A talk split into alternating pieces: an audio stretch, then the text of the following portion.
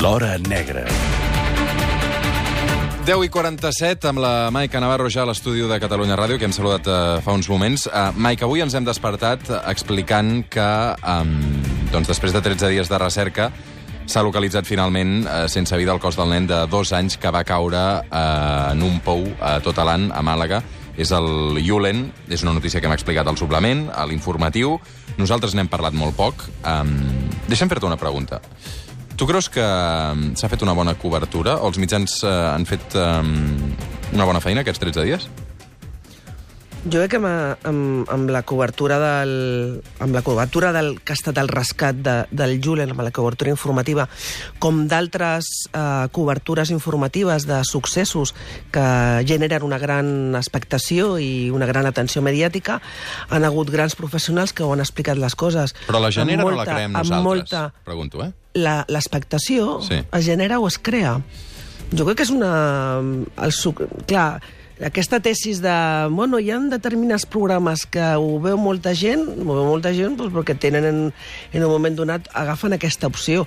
Jo, el, més enllà del que donaven determinades televisions, obrien totes les, totes les webs de tots els mitjans de comunicació generalistes, tots, fins i tot a les webs dels diaris esportius, tenien un apartat i arribaven a obrir en determinats moments amb informacions d'última hora de Julen, tu anaves pel carrer, en- o sigui, no sé, abans d'ahir la mare va, anar la, va tornar de la plaça a Santa Coloma i em deia que tothom anava parlant d'aquesta cadena de whatsapps que ja corrien amb una mena de bulo sobre com havia pogut ser l'accident. És a dir, tothom hi parlava. Tothom parlava, tothom tenia en el cap. Si tu sortim ara aquí a la Diagonal i preguntem a la gent vostè estava... Inter... Potser, potser no tothom ha estat interessat i tothom... Jo no la pregunta que em faig és, tu creus Però, que estem- aleshores, tu- aleshores, Sí. eh, com, a, com a tots els successos que generen una atenció mediàtica, hi ha professionals que ho han cobert amb molta professionalitat, molta prudència, eh, rigor i at, explicant només aquelles versions que es donaven de manera confirmada pels especialistes que estaven a peu de port, de, del pou, i d'altres bueno, doncs que s'han deixat arrossegar potser doncs, per la rapidesa i tal, i han, i han arribat, doncs, jo recordo un, un, enmig del quart o cinquè dia un, una, una capçalera d'un d'un diari digital dir que ja s'havia trobat el cos del nen i després rectificar, o donar per bon, a bones a altres mitjans també digitals algunes de les tesis que s'estaven donant en aquesta cadena de whatsapps de, de fake news. És a dir, eh, jo no... Jo, la meva pregunta és si, si fem alguna mena de favor um, a la família i als pares fent aquesta cobertura. Tu veus les imatges, um, 27.000 càmeres al voltant de la família. Um, hi havia un titular aquest matí de Televisió Espanyola dient «Los padres podrían estar en el tanatorio». Ja. No. Especulant, no? Ja. Especulant sobre on eren els pares just després de que el seu um, fill l'hagin trobat. O sigui, jo no sé fins a quin punt... Fins hi, ha, hi ha un a- debat. Jo, avui, jo Sí, aquest matí he sí, arribat sí, a les sí, 6 del sí. matí aquí a la ràdio, eh, ens hem trobat amb el Joan Bota, que és el primer que arriba, Sí. eh, i que prepara tot l'informatiu del suplement, i, i hem tingut una conversa de 10 minuts de si havíem d'obrir amb la notícia de la mort d'aquest nen o no havíem d'obrir amb la notícia, i, havíem, i al final hem dit, doncs mira, a les 7 obrim amb el nen i a les 8 obrim amb Venezuela. Um, de, el rescat del Julen ha implicat una... És, està considerat en aquests moments l'obra civil de rescat humanitari més gran que s'ha fet a, a Espanya en les últimes dècades o que hi hagi coneixement o existeixi un, un record on han estat involucrats eh, tot un seguit d'institucions i on determinades persones que han participat en aquest rescat han tingut una rellevància abrumadora. Doncs, per exemple, els miners. Doncs, bueno, amb el, Això és la història evident- això és del- evident amb que la és història notícia. del Julen, amb el rescat del Julen, doncs molta gent ha conegut, que, perquè desconeixia, que els miners, aquests els que se'ls va gatillar terroristes, etc, quan les defensaven les seves llocs de treball a les manifestacions del, dos, del 2012, doncs aquesta gent, a més a més, té un grup que es diu Rescate Salvamento Minero, la unitat de, de Salvamento Minero, el grup de Rescate Minero, que el que té és bueno, pues una unitat d'élite que en la gran majoria són o tècnics o exmineros que el que fan és rescatar a la gent que està atrapada principalment a la mina, però també han participat en altres rescats no tan mediàtics com d'algun excursionista o espeola que ha estat eh, atrapat l'últim doncs, al País Basc en una cova amb unes circumstàncies evidentment bastant diferents. M'he fixat Ah, és El, evident. amb, els miners, per exemple, des del primer moment Sí, sí. van demanar que ells necessitaven concentració i que amb ells no se'ls apropava ningú.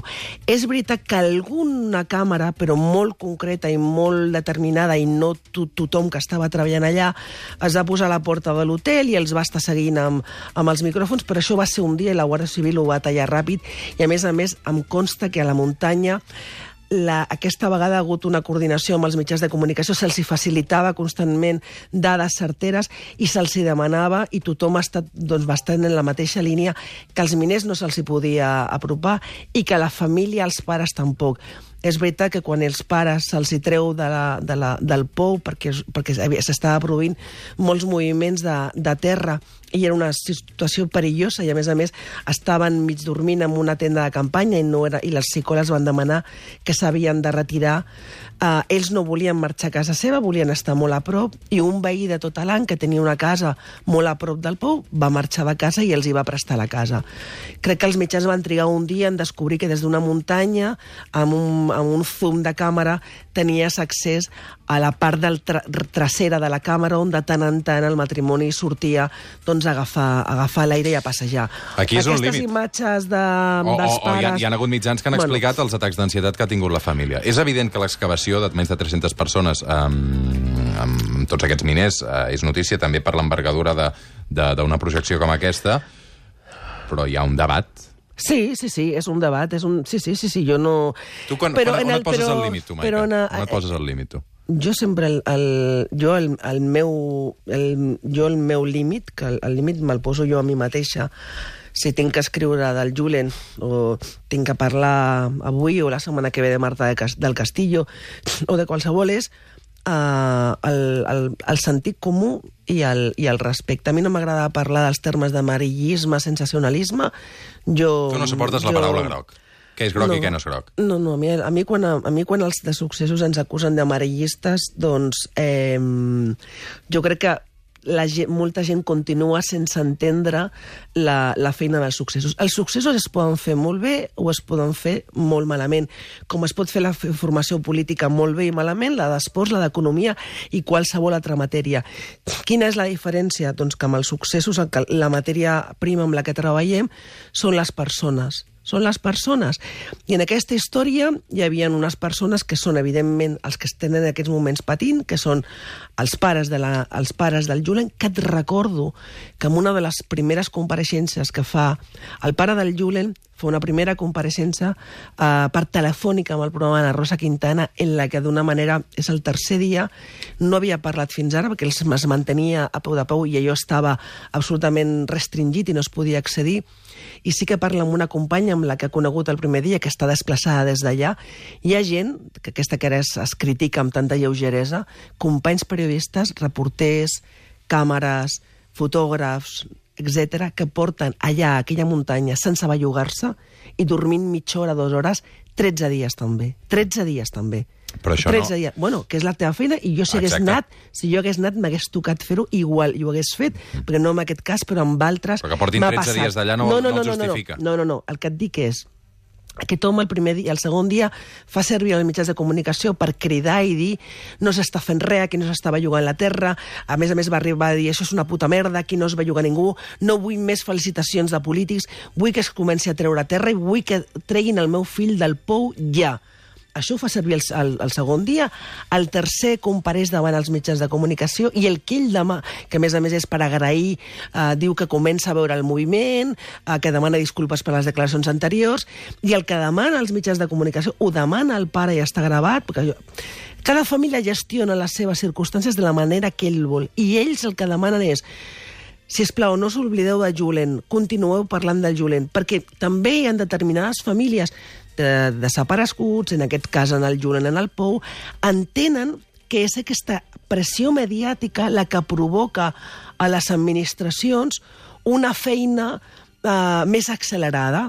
És a dir, ja parlarem de Marta del Castillo amb més calma, però també hi ha molta gent que es podria preguntar per què els pares de Marta del Castillo han tingut aquesta presència mediàtica tan insistent al llarg d'aquests 10 anys. I per què altres, com la Cristina Bergua, desapareguda fa més anys que Marta del Castillo, en la que no s'han utilitzat tots els mitjans eh, per buscar a la, a la, Cristina, a, a la Cristina Bergua, no ho fan, però ells no han volgut mantenir aquesta, aquesta actitud amb els mitjans de comunicació.